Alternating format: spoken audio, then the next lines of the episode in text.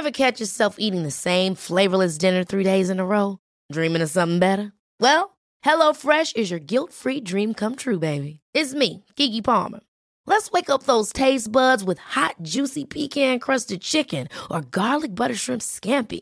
Mm. Hello Fresh. Stop dreaming of all the delicious possibilities and dig in at HelloFresh.com. Let's get this dinner party started. Hey, it's Ryan Reynolds, and I'm here with Keith, co star of my upcoming film, If, only in theaters, May 17th. Do you want to tell people the big news? All right, I'll do it. Sign up now and you'll get unlimited for $15 a month in six months of Paramount Plus Essential Plan on us. Mintmobile.com slash switch. Upfront payment of $45 equivalent to $15 per month. Unlimited over 40 gigabytes per month. Face lower speeds. Videos at 480p. Active Mint customers by 531.24 get six months of Paramount Plus Essential Plan. Auto renews after six months. Offer ends May 31st, 2024. Separate Paramount Plus registration required. Terms and conditions apply if rated PG. A lot can happen in three years. Like a chatbot may be your new best friend. But what won't change? Needing health insurance. United Healthcare Tri-Term Medical Plans, underwritten by Golden Rule Insurance Company, offer flexible, budget-friendly coverage that lasts nearly three years in some states. Learn more at uh1.com. Ann, vet du vad som nalkas snart? Sommarsol. Och min berömda midsommarfest. Det är din älsklingstradition. Och vad passar då inte bättre än att vi denna vecka sponsras av Rusta? Jag drog iväg till Rusta och gjorde, du vet, den här episka inköpskavalkaden. Alltså de har så mycket bord, stolar. Dynlådor. Och det roligaste av allt. Ja, Jag vet. lampor, mattor. Skatglittret. där. Gud vad man älskar det. För jag måste säga så här. Det spelar ingen roll hur fina möbler du har. Om du inte har lullullet, Mm. de fina ljusslingorna, ljusen, lyktorna, blommorna. Kuddarna. Nej, Mattorna. precis. de det måste utemattor. spegla Ja. livet, det underbara livet. Hörni, gör som vi. Gå in på Rusta och botanisera bland alla deras helt fantastiska utemöbler och allt sortiment av det vi väljer att kalla skatglitter för din sommarfest.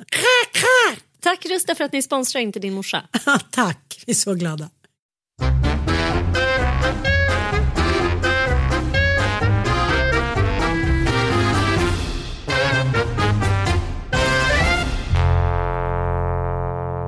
Och välkomna till podden Inte din morsa. Här sitter vi och känner oss lite amerikanska och lyxiga i vår eh, nya poddstudio. Kanske inte bara vår, men eh, här på Alimedia. Mm. Vad härligt det är med det här amerikanska ljuset där man ser lite softish ut. Man är softish men det är också en sensation för oss att vi för en gångs skull har ett rum på 30 kvadrat att röra oss på jämfört med vårt lilla cell utan fönster och ja men det gör någonting. Vi, vi får se om det här gör någonting med själva podden. Ja, den kanske blir ännu mer succé på. Vi måste passa på att tacka er. För fem veckor sedan så introducerade vi vår lilla baby. Psykbabyn, Ja, fråga Freud. psyksjuka baby. Nej. Fråga Freud som är vår, eh, ja, men, vår dröm, på att säga. Men vi tänkte så här, vad pratar vi alltid om utanför podden? Mm. Ja, vi pratar om allmän eh, psykologiska frågor. Ja, vi vill ju alltid analysera saker och vi älskar ju liksom, det också har ju med vår utbildning att göra.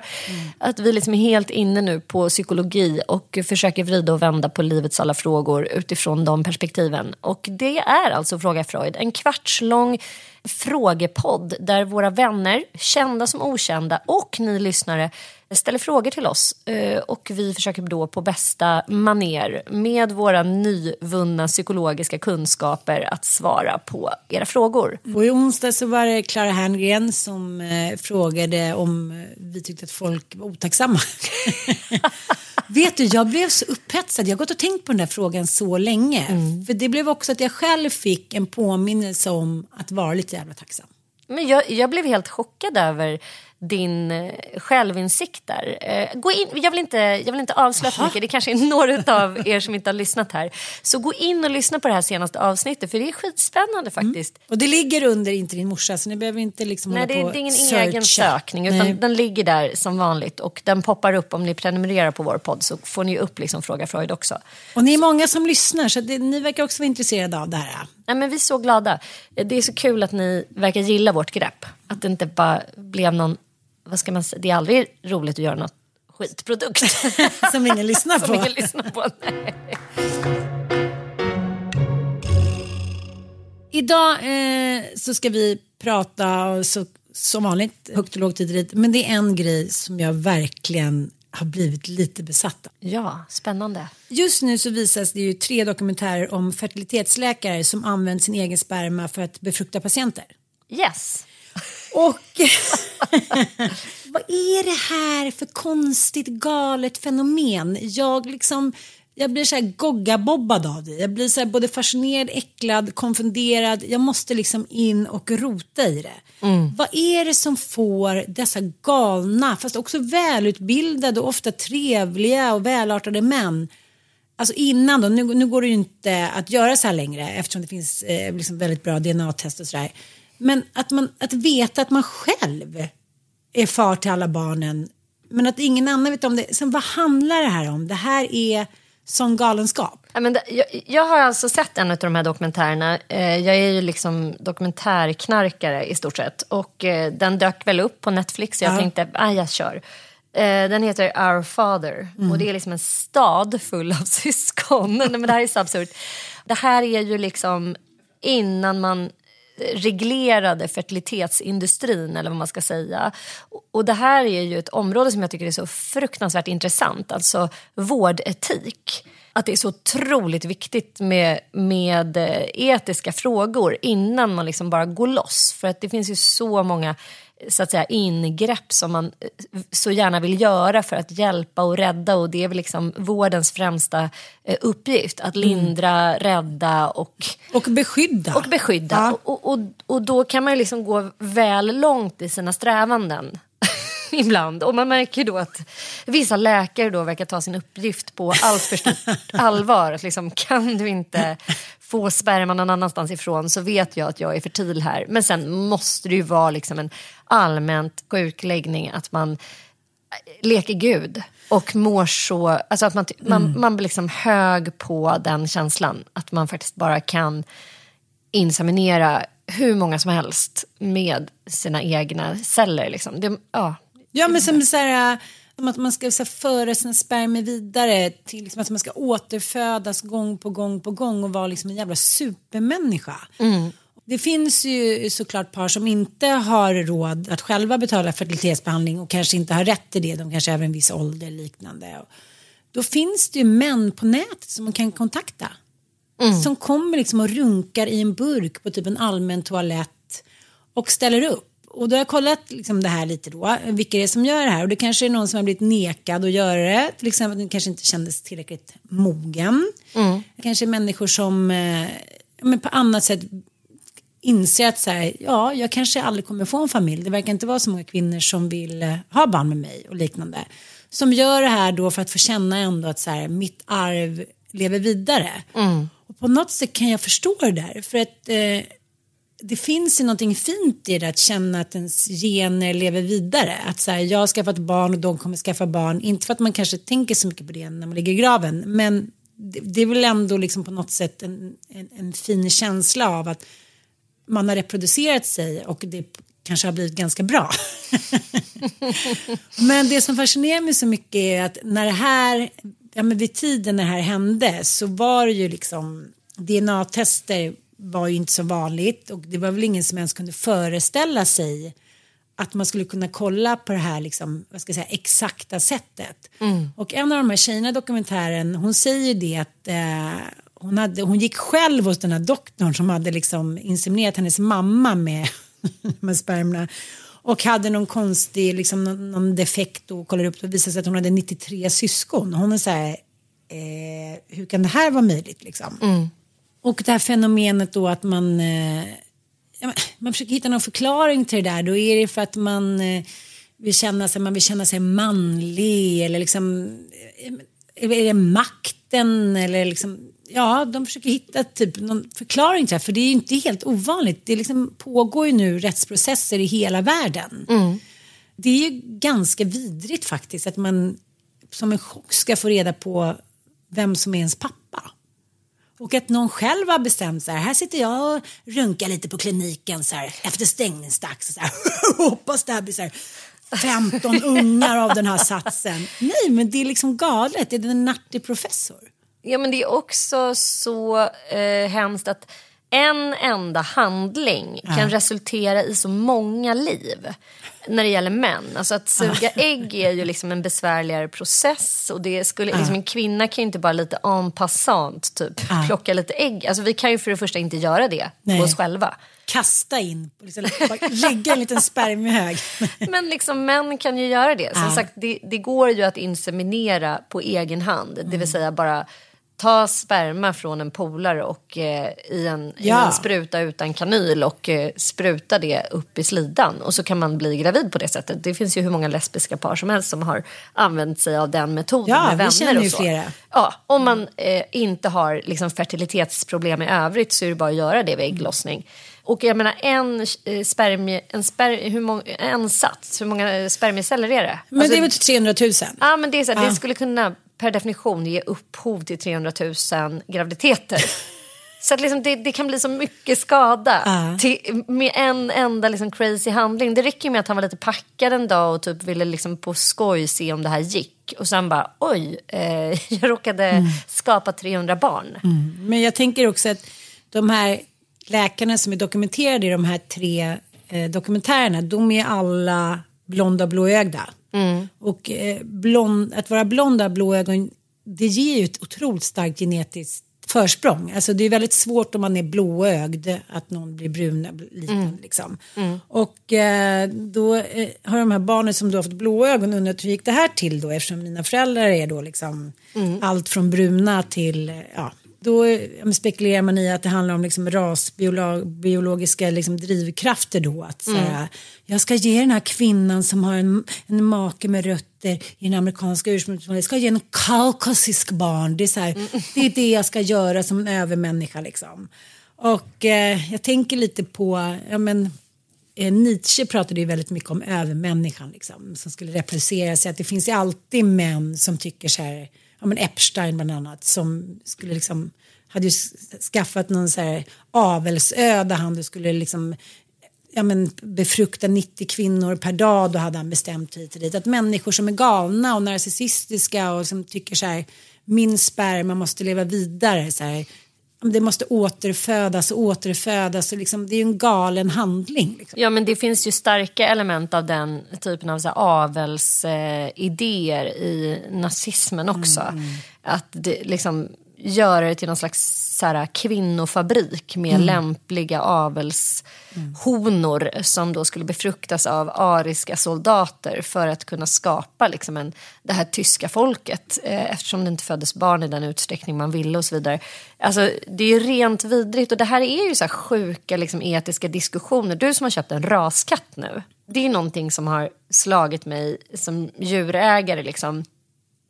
Hur Jag vi vill inte helt- ha någon bon, Nej. bondskit, kattskit. hur, hur man helt ogenerat i djurvärlden pratar om avel, om linjer, om egenskaper och att man inte ska avla vidare på vissa linjer och att man så här, gentestar. Jag har ju hästar till exempel och jag har quarterhästar och, och det är amerikanska eh, raser som man då gentestar och man får inte avla på hästar som inte har genomgått ett gentest för vissa sjukdomar. Men det är tydligen inget fel. Det är ingen som debatterar om. Nej, det är ingen som bryr alltså Alla tycker bara att det här är så här, for the good of the eh, animals typ. Och skulle The man få nude för cat. ja, nu- skulle man få för sig, liksom, om du ringde till uppfödaren och, och bara så här, jag tänkte att han skulle få göra barn här med typ min syrras bonkatt. Alltså hon skulle säkert bli galen. Och det är samma sak, jag har ju då en, en, kors, jag har ju en riktig bonkatt liksom, som är en, en korsning av en maine coon och, och någonting annat. Liksom. Och de var ju liksom helt förstörda över att deras maine coon-hona hade blivit påsatt av en, något liksom skit typ. Så att de nästan beklagade bon- sig när jag en köpte bonballe, henne. ja. Mm. En bonballe. Och det, det, det, är så sjukt att så här, här är helt okej. Men när det gäller människor då ska man inte diskutera det. Fast det görs ju ändå hela tiden. Vi gör ju genetiska tester. Vi har ju Mm. börjat liksom kartlägga genetiken och vi har, vi, vi har ju det. Men vad ska man säga? Incitamenten är goda. Det vill säga att man ska slippa vissa genetiska sjukdomar, vissa genetiska defekter om man kan förhindra dem med gensaxer och så vidare. och så vidare. Men det här är liksom en det är en gråzon. Mm, men jag- jag- blir det liksom okej? Alltså när man får önska sperma till exempel när man gör IVF. För då får man ju, Ja, i man vissa ha- länder så man får man ju faktiskt sitta och man bläddra ja. bilder på hur I de såg ut Ryssland som får man barn. ju det. Ja. I Sverige får man inte det. Och inte i i Spanien heller där min syrra gjorde det. Nej, utan där får man ju liksom bara lita på att eh, personalen då väljer. Men de ska ju då göra ett val. Ja, det är det jag menar. Så de ska se så här, är vem är, den här personen mest lik? Vad är skillnaden? Han är blond, musikalisk, gillar idla flickorna. Det är liksom helt sjukt att man väljer en prototyp. Det finns en till aspekt på det här som jag tycker är så himla spännande. Om jag vill liksom komma åt den där känslan av att de spelar Gud. Om man liksom själv har haft den där känslan någon gång så här att Gud, vad kan man göra som en vanlig människa för att få den där kicken av att spela lite Gud? Och Så är det ju varje gång man har sex och tänker att man vill bli gravid.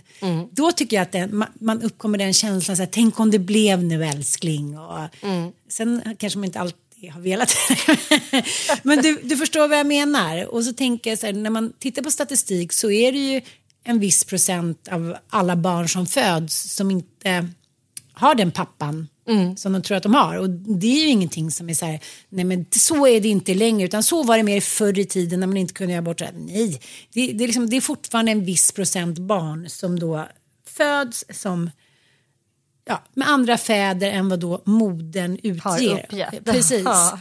Och då tänker jag lite på att det är samma sak. För även om man kanske har spermierna kan leva några dagar hit och dit så handlar det inte om att de kan leva där i två veckor. Utan de kan leva där ja, men med lite liksom, mirakulös tur, kanske max fyra dagar.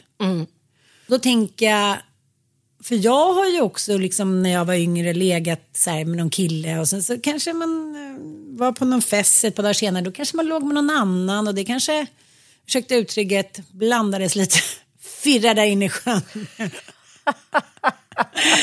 och då tänker jag så här, nu när man tänkt på det, även om det är så här, det var ungdomssynder och det är absurt hit och dit, så är det klart att det finns någon spänning i det där. Att så här, okej, vad händer nu? Nu låg jag med han och sen var det hit och dit. Och nej, jag är med barn. Vem? Tänk om det är någon annan? Hur ska jag veta?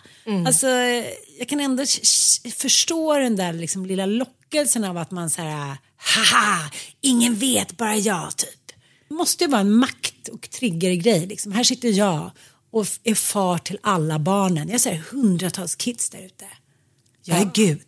Men det är också spännande att de här tre dokumentärerna, de eh, så att säga fäderna som det kretsar kring, fertilitetsläkarna som har gått överstyr, de finns ju inte längre. Nej. Så Our Father, det är liksom, där har vi ju hans så att säga, eh, biologiska barn som han har vuxit upp med. Som gör en, de går helt enkelt in och gör en sån här gentest som, som jag också har gjort. Gud, Vad heter det? Ancestry. Ja. För att man vill släktforska och så bara dyker upp 90 syskon. Och det är väl lite så det har gått till när man har kommit på det här. Att så här, shit vad jag matchar med många här.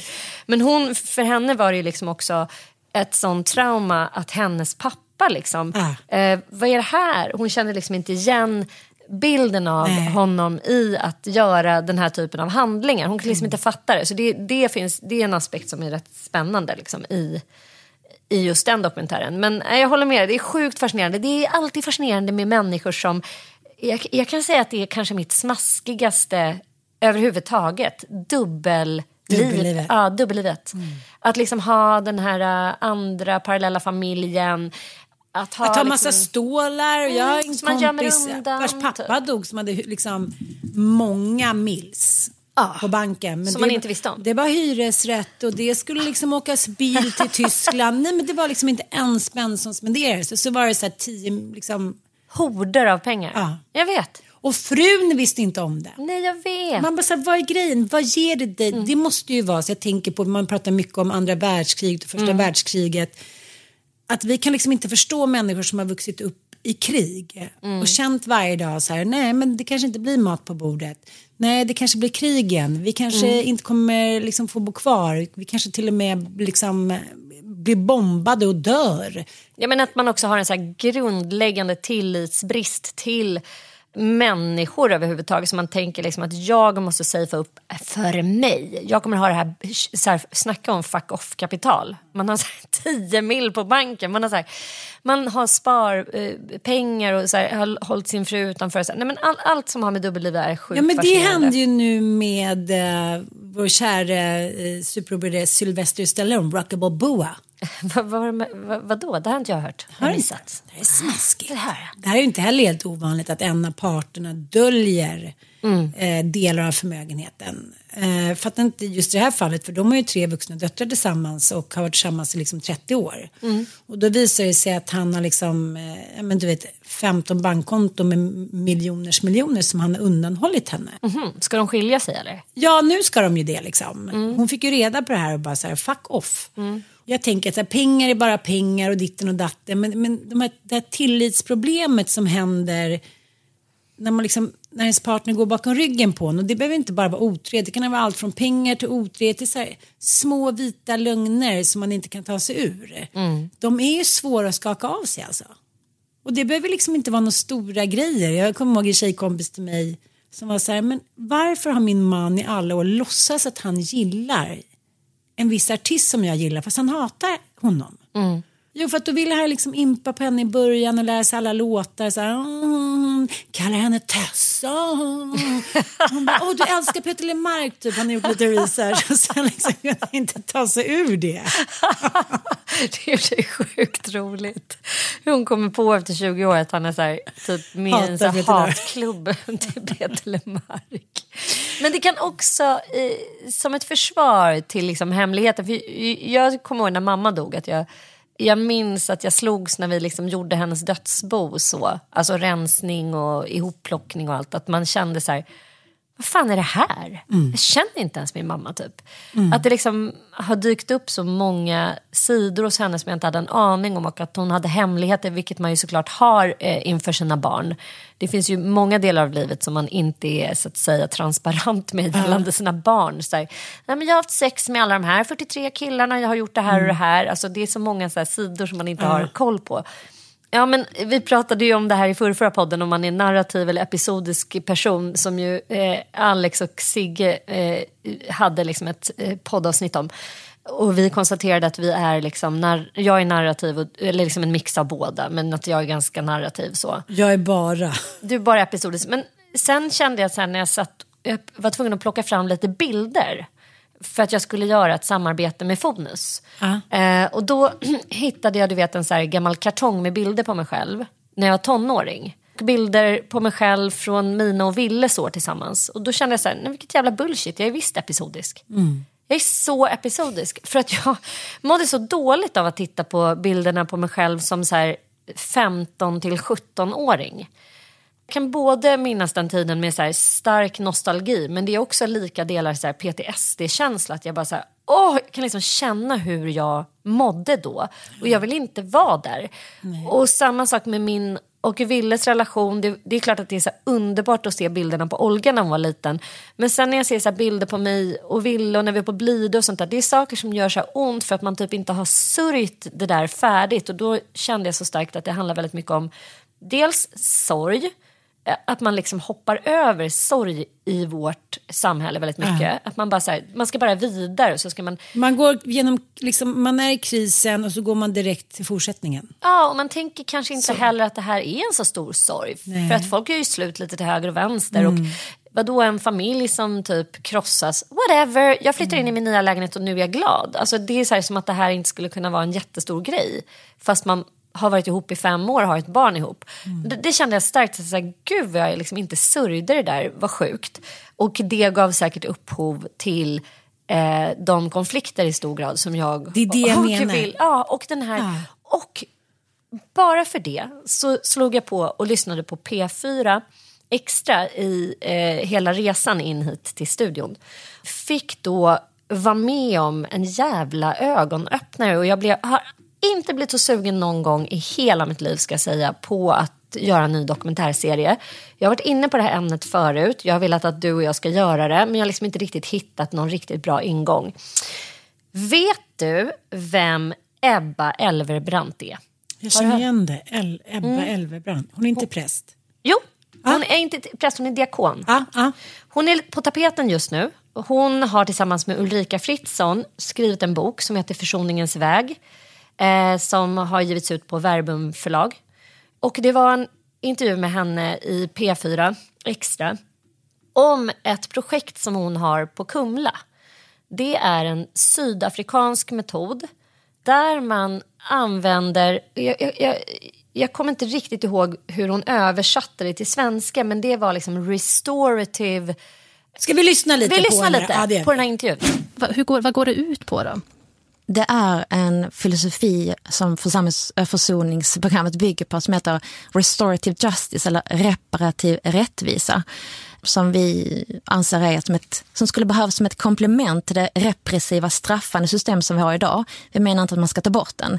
Men där i, eh, i Portsmouth-fängelset utanför Kapstaden så jobbar man med restorative justice, alltså reparativ rättvisa. Och det går ut på att eh, se på vilken människa har skadats. I den straffande rättvisan så kollar vi på vilka lagar har brutits. Men här kollar man på vilka människor är skadade. Så genom att försöka ta ansvar eh, och få en bredare bild av vilka som skadats så, så händer någonting med, med människan.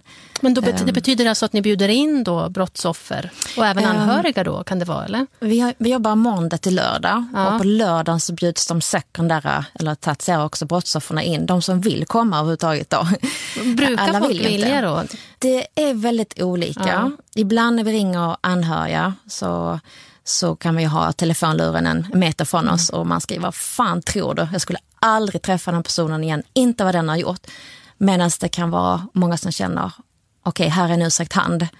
Om det nu den här personen har valt att avsätta en hel vecka av sjukt, sjukt hårt arbete eh, så måste kanske den här personen mena allvar. Jag kanske vågar ge det en chans till. Och när de här anhöriga kommer på mötesdagen som vi kallar det så, är det, så har ju under en hel vecka eh, brottsförövaren övat på att eh, se sitt eget, vad, vad har jag gjort liksom? Och hur har det skadat andra? Så den personens uppgift är ju att bara lyssna. Vet du, jag blev så... Wow. Alltså är det Ah. inte fantastiskt? Jag bara känner så här, är det inte... Jag vill att vi ska göra en... Jag vill bara liksom filma den Försoningen här har vi ju processen. sagt hundra gånger. Ja. Och, vi har, och du har ju pratat om det här tidigare och vi har också pratat om det här att någon bestämmer över ens öde på något sätt. Mm. Och det gör man ju när man utsätter någon för någonting, vare sig det gäller liksom ett svek eller Mm. att man eh, lämnar någon för någon annan, eh, våldtäkt, man, man tar någons pengar. Mm. Det finns så många sätt att göra våld på. Jag tycker att vi i liksom den här delen av världen, vi är väldigt liksom fastnaglade vid att det ska vara så här, våld är att slå någon. Och våld är en våldtäkt eller så slår man någon. Våld kan vara så otroligt mycket mer. Det kan vara liksom ekonomiskt våld som breder ut sig ganska mycket och särskilt för kvinnor då som inte klarar sig lika bra då som har tagit hand om de mjuka värdena som min kompis eh, helt enkelt Fido som hon heter på nätet som framstår då som en duglig, eh, supersmart, härlig kvinna och som har liksom tagit hand om ekonomin på stora företag och hit. Men i sina egna relationer så har det gått jävligt dåligt. Jag kan känna igen mig i det att man, så här, man bara ger och ger, man är så naiv och man tänker så här, men jag som ändå är ganska smart, varför är jag så jävla naiv? För att man så här, tror det goda om alla, men det, så här, det behöver inte handla om att någon är ond. Det kan handla om, som vi har pratat om innan, livskriser eller att man har något missbruk eller hit och dit. Det är inte bara det du ser hela tiden som är Nej. framför dig. Men jag tycker också att det är så här, och det saknar jag generellt, det var det jag blev så jävla så här, jag funderar mycket på det den här veckan för jag läste också ett inlägg eh, i samband med att eh, Anna Wahlgren eh, jag har gått bort och då är det många som återigen... Prata inte liksom- om det. Nej, men det är många som har liksom väckt den här sova hela natten Mm, metoden, alltså väckt den debatten till liv. Ska man samsova eller inte typ? Och så läste jag nu Klara Doktorov la ut något inlägg eh, till Anna Wallgrens eh, försvar. Liksom, att titta på den här ungen, eh, hur traumatiserad hon är. Och så ligger hennes då Poppy i en spjälsäng och ser väldigt eh, rofylld ut. Och återigen då så ska det liksom, eh, och, hon, och då skrev hon någonting också att så här, jag tycker att den här synen eh, som vissa har med samsovning och det här biologiska perspektivet att mamma ska vara någon slags napp och så vidare, den är liksom antifeministisk. Men jag kände också bara så här, en sån jävla trötthet Eh, och jag vill inte klumpa ihop eh, Klara Doktorov med Camilla Läckberg, men nu gör jag det i alla fall. och eh, just Det är den inte här, min mening. Nej, men typ La- Lady Damen kan också vara där. Att man aldrig kan bara erkänna att nej, men jag var på fel spår där. Att man aldrig kan erkänna att så här, min metod den funkade för mig för jag hade skitsvårt att sova. Det kanske inte var det bästa för min unge, men jag eh, var tvungen att göra så. Alltså att det alltid ska liksom framhävas som att mitt sätt, det var det bästa. Och jag, det är det jag ruttnar på. Och det var därför jag blev så glad när jag hörde den här intervjun med Ebba Elvebrant. Därför att hela den metoden handlar så jävla mycket om att liksom våga se sina egna brister, våga se, eh, se, ta sitt eget ansvar över det brott man har begått. Oavsett om det är att man liksom har tillämpat en felaktig jävla metod på en unge som ska sova eller om man har misshandlat någon eller om man har liksom, vad man än har gjort. Försummat. Ja, försummat. Så för att försoning ska kunna äga rum så behöver det liksom brottsoffret acknowledgement. Och är det en unge som liksom anklagar sin mamma för att ha varit bristfällig så ska man fan bara stå och lyssna. Ryan Reynolds here from Mint Mobile. With the price of just about everything going up during inflation, we thought we'd bring our prices down. So to help us, we brought in a reverse auctioneer, which is apparently a thing. Mint Mobile unlimited premium wireless. Ready to get 30, 30, bit to get 30, bit to get 20, 20, 20, bit to get 20, 20, bit to get 15, 15, 15, 15 just 15 bucks a month. So, Give it a try at mintmobile.com slash switch. $45 upfront for three months plus taxes and fees. Promo rate for new customers for limited time. Unlimited more than 40 gigabytes per month. Slows. Full terms at mintmobile.com. Many of us have those stubborn pounds that seem impossible to lose, no matter how good we eat or how hard we work out. My solution is PlushCare. PlushCare is a leading telehealth provider with doctors who are there for you day and night to partner with you in your weight loss journey. They can prescribe FDA-approved weight loss medications like Wagovi and Zepbound for those who qualify. Plus, they accept most insurance plans. To get started, visit plushcare.com slash weight loss. That's plushcare.com slash weight loss. There's never been a faster or easier way to start your weight loss journey than with PlushCare. PlushCare accepts most insurance plans and gives you online access to board-certified physicians who can prescribe FDA-approved weight loss medications like Wigovi and Zepbound for those who qualify. Take charge of your health and speak with a board-certified physician about a weight loss plan that's right for you. Get started today at plushcare.com slash weight loss. That's plushcare.com slash weight loss. plushcare.com slash weight loss. Cool fact a crocodile can't stick out its tongue. Also, you can get health insurance for a month or just under a year in some states. United Healthcare short term insurance plans, underwritten by Golden Rule Insurance Company, offer flexible, budget friendly coverage for you. Learn more at uh1.com.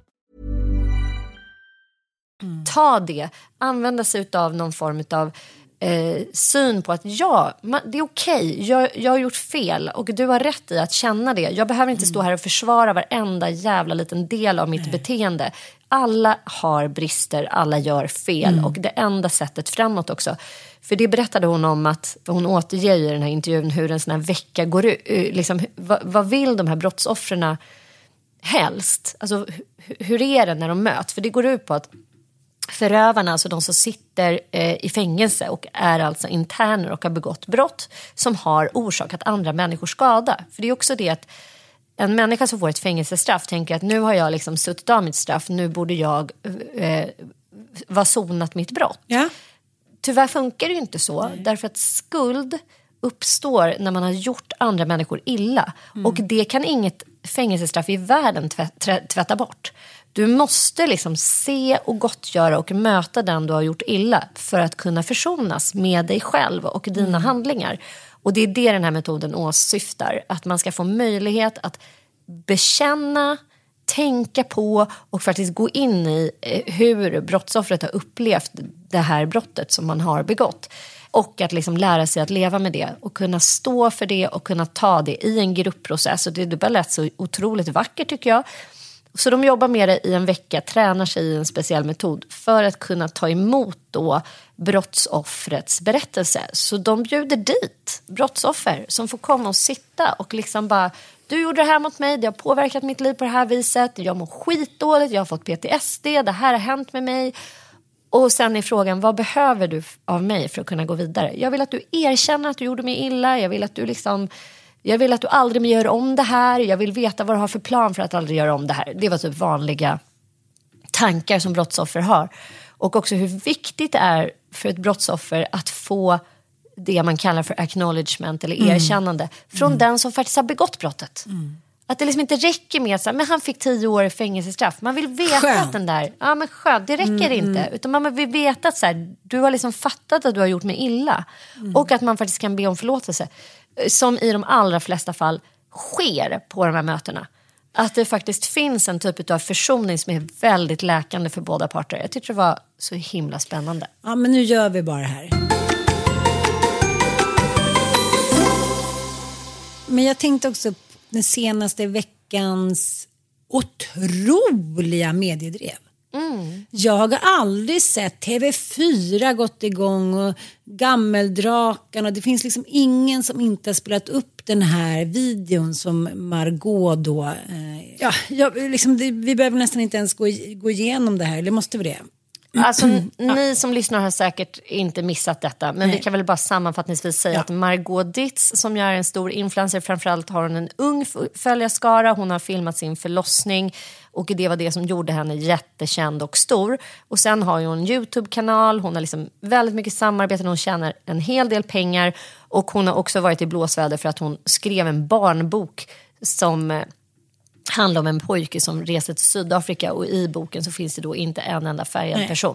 Jag tycker vi kan stanna där. eh, För här tycker jag vi har liksom eh, hela samhällsproblemet att det är så många människor idag och alltid rent historiskt som lever i en skyddad verkstad och på riktigt liksom inte riktigt vet vad som sker utanför den här bubblan. De blir liksom tagna på sängen. Så, men vadå? I min krets kan vi ju skratta åt det här. Vare sig det handlar om att kanske liksom peta på en uteliggare eller peta på någon som onykter eller liksom skratta åt människor som har fel kläder. Hitan och ditan. Det har alltid varit förbehållslöst okej för överklassen och människor med makt att titta ner på andra människor. Liksom kolla hela så här, 1600-talet, 1700-talet, 1800-talet. Det är liksom bara en orgie i människor som, liksom rika människor som behandlar fattiga människor dåligt. Jag bara satt och läste på nu om Gröna Lund till exempel. Fram till liksom, på 90-talet så låg tjejer i bikini på jag det här. vet, jag var där. Ja men jag var också där. Då ska man kasta boll. Kasta bollar för att en eh, bikinibrud skulle ramla ner i ett akvarium. Ja. Och det var skäggiga damer och det var också en, en lite längre turné av eh, eh, ursprungsbefolkning från Afrika. Som stod då med läppdekorationer på Gröna Lund. Det är liksom långa människor, tjocka människor. Det Alla här, avvikande ja, det här är inte, liksom, det är inte särskilt länge. Och det är det jag menar med hela den här eh, SD, senaste valet. Det, det har börjat bli okejat igen. Allt från rasbiologi till att liksom sänka människor till att liksom säga att de ska försvinna tillbaka med tåg. Det här med slöjorna, aborträtten, allting har liksom så här dragits tillbaka till en tid som vi aldrig mer trodde skulle komma tillbaka. Liksom. Och då har jag gått in lite, jag och Anita har pratat om det i vår podd och jag har skrivit liksom, li, vissa kommentarer och sådär. Tyckt till lite så här, fint att du kunde be om ursäkt och så här. Och, men ändå liksom verkligen tryckt på att en, en dålig handling är en, han, en dålig handling vare sig det är en kvinna eller man. Eh, för liksom en, en makthavare eller liksom någon som eh, jobbar på golvet. Alltså en, en skithandling är ju en skithandling och det tror jag att som alla är överens om. Men så undrar jag så här, att människor för fan aldrig ger sig. Vad ska han ha för straff då? Och du och liksom, ja, men folk håller på Anita och så, här, så mycket hat så typ Instagram gick in och tog, tog bort hennes Instagram ett tag. Bara, så, du kommer inte palla med det här. Och jag försöker liksom föra en saklig debatt och då är så senaste då var det en kvinna som skrev så här, "Aha, om du tycker liksom att det är bra nu att hon har sonat sitt brott, så här, vad ska hon då få för straff? Och Leif GW då, aha det här är inte så bra, hon skulle kunna få böter, kanske inte kommer bli i fängelse. Man bara, Leif GW ta det lite lugnt nu bara. Sätt dig framför brasan och ta en virrepinne. Så här, du behöver inte uttala dig om varenda Jävla jävla grej. grej. Och då känner jag så här, att liksom, det är vissa människor som jag sitter och så här, men du vet, skriver med på, på DM och liknande som jag till slut blir så här, nej men nu räcker det. Du får ta ditt hat någon annanstans. Och det är ofta, liksom, det är mycket kvinnor. De är så här, det handlar inte alls om att det är kvinnor, men det gör inte alltid. Men just i det här fallet handlar det också om, hon är småbarnsmamma. Hon är söt, hon är, liksom, hon är mysig, hon är förebild för barn. Men, eh, det är klart att det blir dubbelt hat. Och man ska inte låtsas om att det inte finns en liksom, genusfråga. Men eh, så, då ska jag svara på vad jag tycker att det ska bli för straff. Jag tycker inte hon ska liksom, eh, bli av med sitt barn. Jag tycker inte att hon liksom aldrig mer ska få gå utanför dörren. Någonting som, som är egentligen det bästa, vad ska man säga då, straffet, eller det är inte ens ett straff, det är väl det bästa man kan ge någon. Det är att, att träffa, som du säger, se hur människor faktiskt har det i. Och det, Träffa det här brottsoffret Ja. kanske. Alltså, för där kan jag känna att så här, gud, eh, hon som är en sån otroligt smart person. Mm. Som ju, för att jag, det jag har eh, förfärats över i den här debatten Mm. det är liksom hur man underskattar Margot Ditz.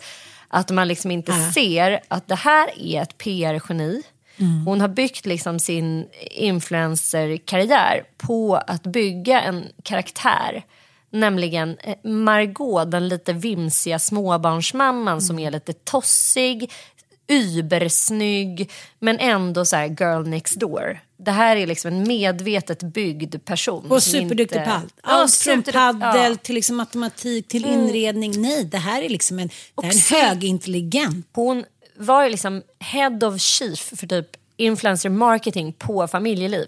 Där du blo- bloggade en gång i tiden. Ja, det är det jag menar. Och jag pratade med henne och tänkte så här, men gud, vad är det här för typ Mm. 12-årig tjej som liksom är superbossen här. Mm. Hon var ju ett PR-geni. Hon hade koll på allting redan från, hon var, vad kan hon ha varit då? 24-25 år. Ja, och jag tror bara att hon, hon Jag var gravid liksom, med Frasse. Nu Ja. är hon 32. Ja, hon var liksom 26 år. 25 Ja, år. och världens Ja härligaste och liksom mest hårt arbetande unga människa man Mm. typ någonsin har träffat på. Och jag är helt övertygad om att hon liksom bara scannade hela marknaden, tittade över liksom så här, hur ska jag skapa ett varumärke så att jag själv kan leva eh, som influencer marketer. Typ. Alltså hur ska jag kunna göra det? Och hon gjorde det. Hon bara, okej jag gör en film när jag, det är det som, hon vet exakt hur hon ska få klick. Och jag säger inte att det här var ett smart drag, men på ett sätt är det ju det. För nu är det ju liksom så jävla många människor som är inne på hennes kanaler. Och visst, eh, det här må vara ett brott som folk går in och så här, hatar hårt på, men det är så många un- unga människor som försvarar henne, som tycker att alla vi som eh, eh, tycker att hon är liksom Ja, men extremt Hon är det bästa som har hänt. Ja, hon är det bästa. Och gud, vad är det för fel på att liksom peta på en, ett fyllo? Hade hon varit smart nu, då hade hon bjudit in den här killen till sin, eh, sina kanaler, till Youtube och bara hej, vad hände? Varför låg du utanför min dörr? Jag ber så mycket om ursäkt. Ett så här väldigt avväpnande snack med honom där han kanske skrattar lite åt den här knäppa eh, händelsen. Alternativt om det var en allvarlig ett sjuk person i beroende så, så hade det också varit. Det hade varit det bästa som hade kunnat hända. För efterkonstruktionerna, det är de som ställer till det tror jag. Ja. Både för typ Katrin Zytomierska och här nu får man gå. Jag trodde det var en vän till familjen. Mm. Katrin visste inte att vi skulle komma till festen. Jag vet att man liksom bara Alla underskattar alla på något sätt. Ja, liksom- och samtidigt gör alla också mer och mer, vilket ligger i, i hela den här branschens natur, att ju mer smaskiga, gränslösa, knäppa, eh, åsiktsstarka saker, gränsöverskridande händelser du kan leverera, desto mer fucking klick får du.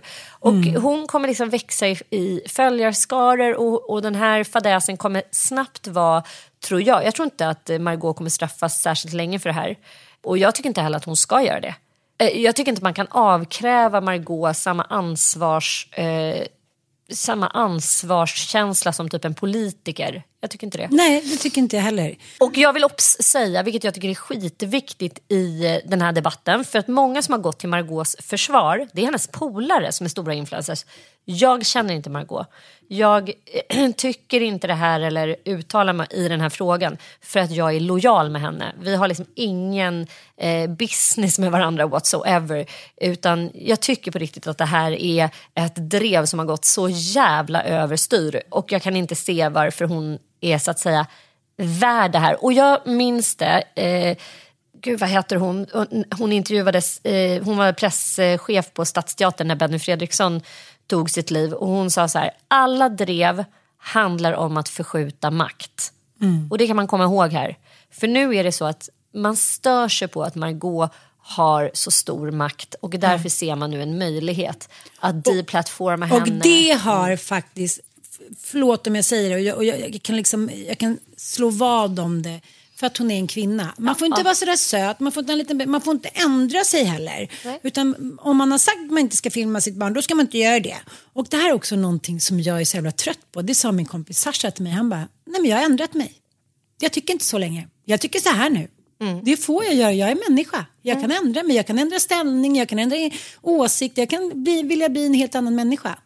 Det är min mänskliga rätt. Och det är som Sartre säger, så här, varje dag är ett val. Ja, idag kanske jag väljer att göra så här. Jag menar inte heller, jag försvarar inte heller henne. Men hon la ju ut, eh, ja, men, mitt eh, smyckesmärke Hopsy Daisy, hon har ju en, en ring som heter Doggy. Som är en liten hund. Och sen la, så la hon ut den och var så här, åh, jag är lite kär i den här ringen hit och dit. Det är klart att jag då la ut den på Hopsy Daisys Instagrams, liksom. Ja. Dels var det en superfin bild och, det, och nu är det så många så här, ta bort den. Hur kan det här? Man bara säger, men gode gud, det är faktiskt inte ett mord. Jag tycker så här, ja, det var liksom människovidrigt att göra sådär. Jag, jag fattar inte, jag, liksom, jag kan inte förstå det överhuvudtaget. Eh, hur det här, liksom, hur man kan tycka Hur man det kan göra den bedömningen. Eller så har man också så här, jag tror att det handlar väldigt mycket om okunskap. Man kan inte förstå. Jag tror att i, i Margaux kretsar så kanske det är så någon överklass eh, som typ Men tänk Paolo Roberto, han var så här, men vet du, hon var snygg. Ja, men hon såg, hon såg fräsch ut. Jaha, men då så. Då bestämmer jag att bara för att inte hon liksom ligger i rännsten kanyler i armen och ser ut som liksom en tjackishora. Då vill hon ligga med mig. Så att liksom allting handlar ju om så här förskjuten, snedvriden människosyn. Och, eh, det, Men som du är inne på, att de lever liksom i en bubbla.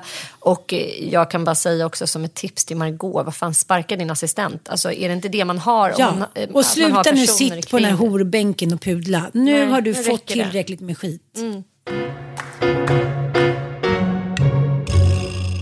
Ja, på fredag är det dags.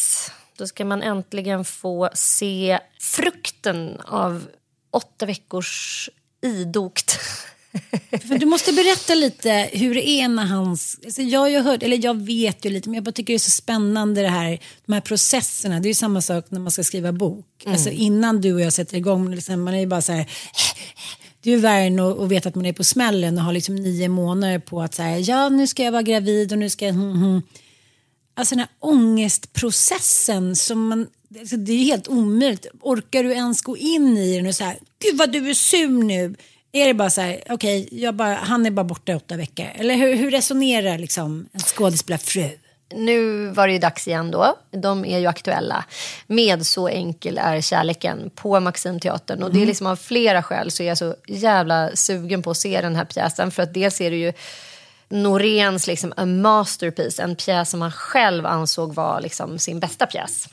Och det är ju ett så här extremt mörkt relationsdrama som också är, det är väldigt mycket 90-tal, lite så här Kommer du ihåg Angels of America som också är väldigt så här, daterad? Man känner verkligen att det är 90-tal i texten. För att det är mycket så här 90-talsreferenser, det är en, känsla av den tiden som är ganska hård. Och jag kan uppleva Norén väldigt så här 90-tal också. Han var ju som absolut mest episkt stor då liksom.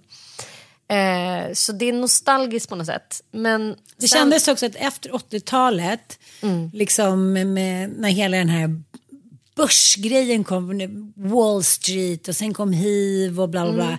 Det var liksom ganska, jag vet inte, det var ganska mörkt. Ja, men det var det. 90-talet. Det var ju liksom lågkonjunktur. och Kvinnor mot slags så här- män, Mm, homosexuella mot män. mot liksom vita kyrkan. Det var mycket motsättningar. Liksom. Mm. Det, var mycket, det blev mycket små subkulturer liksom, som på något sätt fäk- fäktades mot varandra. Ja, verkligen. Så att den är ju på något sätt ett vittnesmål om hela den tiden. Men sen också så här, alltså Norén, finns det en enda pjäs som han har skrivit? Alltså jag, när jag ser, det är liksom den eh, dramatiker tror jag som har gjort allra störst intryck på mig. Jag, jag gillar Norén bättre än Strindberg till exempel. Alltså det talar rakt in i mig. Jag blir så drabbad av, av hans texter. Men sen är det också en skådespelarpjäs säger de fyra he- helt eminenta skådespelarna som spelar den. Och det är liksom, det är Ingela Olsson, det är Livia Älskar. Ingela, ja, älskar men jag Ingela. älskar henne. Alltså hon, är, ja, men hon är ett fucking geni. Men sen är det Stefan Larsson också. Stefan Larsson Ja. är, ju kompis till Micke och han har inte spelat... Han är ju själv regissör och har varit teaterchef i, i eh, både Danmark och Norge och har inte stått på scen på hur länge som helst. Och eh, jag minns ju Stefan, eh, apropå 90-tal, från, vad fan hette den tv-serien? Alltså såpan. När han spelar eh, ena halvan av ett bögpar. Kommer du ihåg den? Tillsammans med Magnus eh, Skogs... Eh, Just Kommer du ihåg den? Ja, vad Ja. Hette, det var inte Svenska hjärtan väl? Nej, nej, det nej, var... nej. Den hette... Åh gud, nej men skitsamma i Ah, vad ja. hette. Ni som lyssnar vet säkert vilken jag menar. Men han var ju så het då tyckte man. Och även så här... Trots att han var bög. Ja, nej men det var, han var så här, man tyckte att han var bra. Och Stefan är ju en gudabenådad regissör. Mm. Men hela den här ensemblen, de känner ju varandra sedan lång tid tillbaka. De är också så samspelade, de är så otroligt skickliga allihopa. Den ena eh, skulle inte... Alltså, den ena gör den andra bättre i hela den här ensemblen. Och sen är det ju också två enormt starka kvinnoroller. Det är ju Livia och Ingela som spelar huvudrollerna. De är ju två liksom despotiska kvinnor, i, i, i, framförallt Ingela. Och det är liksom, det är genialisk spel. Alltså jag har ju hört dem repetera, det är liksom helt, det bara flyter på som vatten. Det är helt absurt hur man kan komma ihåg den där textmassan. Men för att återgå till din fråga, nej jag tycker att han är extremt eh, fokuserad och harmonisk alltid när han spelar teater. Oavsett om det är repetitionsperiod eller han är absolut inte någon så här hispig person som nu sköt de ju upp premiären en vecka, så den hade ju premiär när vi var i San Francisco. Men han var ju hemma då själv med Foxen och Igor. Och, eh, nej, men han mår jättebra när han spelar teater och han är jättenöjd. Och han, det där är liksom, han, är, han är hemma i hela den där världen och aldrig ser jag honom så närvarande och så trygg som när han utövar sitt eh, yrke på scenen. Och det märker man ju. Och det skulle jag säga är för alla de här skådespelarna. Du vet man kan gå in ibland på Dramaten eller på någon annan teaterscen och så blir man så här man får så här sekundär eh, du vet, nervositet. Bara, Ja, gud. nej, vad, tänk om det... Åh, nu kommer han liksom... Jag har drömt mardrömmar. Jag är mer nervös. Och sen när de kommer in där så är det bara liksom så här, den stora trygga famnen och så får man hela den här upplevelsen av att vara i ett norenskt rum. Och nej, jag ser så jäkla mycket fram emot att se det här. Jag med. Mm, du ska ju se på lördag. Ja, men jag tänkte också, ett av mina livsjobbigaste ögonblick var ju när jag tittade på dig på Let's Dance. nej, nej. Det var tyvärr nej, jag, inte mitt trygga rum heller. Så att, där var det liksom ingen så här sekundär nervositet. Du var liksom i min nervositet så hårt. Jo, jag vet. Men det, det är konstigt hur liksom, då förstår man så hur mycket människan är gjord av energier. Jag såg några så exempel, så här, okej titta på en hand. Du bara, om här är hud och, mm, och sen börjar du så här bena ner det procentuellt. Att så här, nej, typ 99% av din hand är bara energier. Ah. Det är inte liksom muskelmassa och hit och dit. Och så tänker jag, jag blir så fascinerad av det där, både i kärlek och i hat och i vänskap. Så här, hur man metafysiskt kan gå in i en människa man känner väl. På gott och ont liksom. Och vilket gör också att man har sån otrolig makt över människor man är nära. Ja. Hur fan man inte ska underskatta det alltså. Och jag tänker när man läser, läser som vi gör nu i vår utbildning, olika anknytningsteorier liksom, teorier då. Som man har då, ja men du vet, ambivalent, otrygg, trygg, mm, mm. Och så tänker man så här, det är klart att det är så att vissa människor bara liksom inte klarar av nära relationer. De bara utstrålar otrygghet på något sätt. Precis, så att när man går in i det att man känner så här, hur dåligt den andra människan mår så ska man försöka stå emot det och stå egen hit och dit. Och för vissa människor, läs du och jag, så går det liksom inte. Det går inte. Och jag bara kände när du stod där, jag var så här, som ett litet barn, som typ din älskare, som din syster, som din bödel. Alltså det var så otroligt jobbigt när du kom in där så kände jag så här, nej men hon vill inte ens stå där. Nej, helt korrekt tolkat. Varför ska jag gå igenom de här liksom, olika Dantes inferno? När hon, då är det så här, jag måste rädda henne, jag måste gå ner där och dansa. Nej, det, det, är också obehagligt när människor man älskar gör saker som de inte tycker om. Fast vet du, jag tyckte om det. Ja, det tyckte du. Alltså, jag kan säga så här, det var ju som typ vinterbada. Det är så vidrigt men sen är det så härligt efteråt. Och det var så här, Mm. Jag vet, jag vet. Liksom att man får vara med om saker i sitt liv som man trodde liksom att så här, vad är, jag, jag kan drömma sådana drömmar. Jag drömde jättesjukt. Det här har varit ett, under Mickes reperiod så har det varit återkommande drömmar för mig. Att jag så här, oförberedd tvingas upp på en scen. Typ, du måste hoppa in här för att... Och nu senast var det så här, jag vet inte om det var min kompis Sofia som är så här, men jag har bara bokat in dig på en sån här liten, det blir skitkul. Du ska ha så här, du sjunger några sånger, det är lite så här. Jag har bara bokat in, nej men det är ingen fara, det är bara att komma dit, du behöver inte förbereda någonting. Och Jag bara, sjunga sång? Vadå, ska jag sjunga? Jag, inte, jag kan inte en enda låt. Jo, du kan massa. Så, här så kom jag liksom till någon jävla bar i... Ja, Var, var är du nu någonstans? det här är min dröm. Jaha, jag trodde det hade hänt på riktigt. Nej, jag bara, gud nej, nej, vad otippat att hon skulle tro att du skulle köra en liten så här potpurri. Nej, nej, nej. Det, det skulle hon nog aldrig göra. Om hon inte var extremt full. det är olikt henne.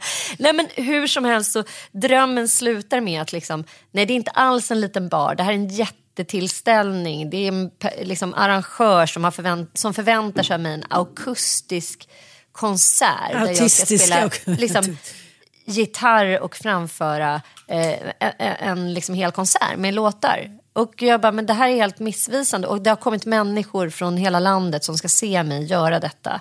För jag är Ulf Lundells dotter och det är ju smaskigt att jag ska fram. Nej, men det var så obehaglig dröm. Du vet att man tvingas stå där med liksom brallorna nere. För att jag har inte alls förberett. Jag har helt misstolkat den här grejen. Jag kan inte ett ord och så ska man ändå försöka göra det. För man vill inte göra någon besviken oförmåga maskerad. Ja, det är väl något budskap som Gud vill ge mig i de här drömmarna. Att man liksom inte ska kasta sig handlöst in i saker eller försöka sig på uppgifter som man inte behärskar kanske. I don't know.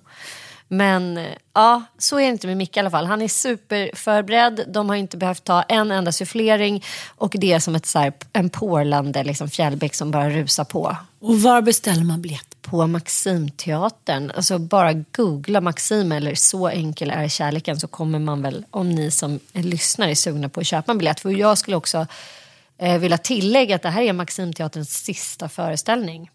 För att ja. den ska lägga ner. Ja, den har ju köpts upp av en eh, Hallelujah Church. Ja. With bad intentions. Men det är så... vet. jo, alltså, Lite så, det är? Hillsongkyrkan som har tagit över då hyreskontraktet för Maxim och det är ju några skamlösa fastighetsägare då, eh, en bostadsrättsförening som sålde ut då själva teaterlokalen till så här fastighetsbolag som nu vill chockhöja hyran och då har Maximteatern absolut inte råd att vara kvar om man Nej. vill köpa teaterbiljetter till decent pris. Eh, och det vill man ju. Det går inte att liksom skinna publiken bara för att de här fastighetsägarna vill bli eh, stormrika. Så tyvärr så går den här underbara lilla teatern i graven och eh, den kommer väl naturligtvis ha uppsättningar på andra teatern. Men det är ju en magisk lokal. Vi ser Ja, det. det älskar en. Vi har ju själva haft en liten föreställning där. Det har vi. Ja, gå in och boka det. Och eh, Kom dit på fredag vet jag. Då är jag där. Eller på lördag när du är då där. gör jag det. Mm. Puss puss. Väl vem ni gillar. Är ni pro Ann eller team Sanna? puss puss.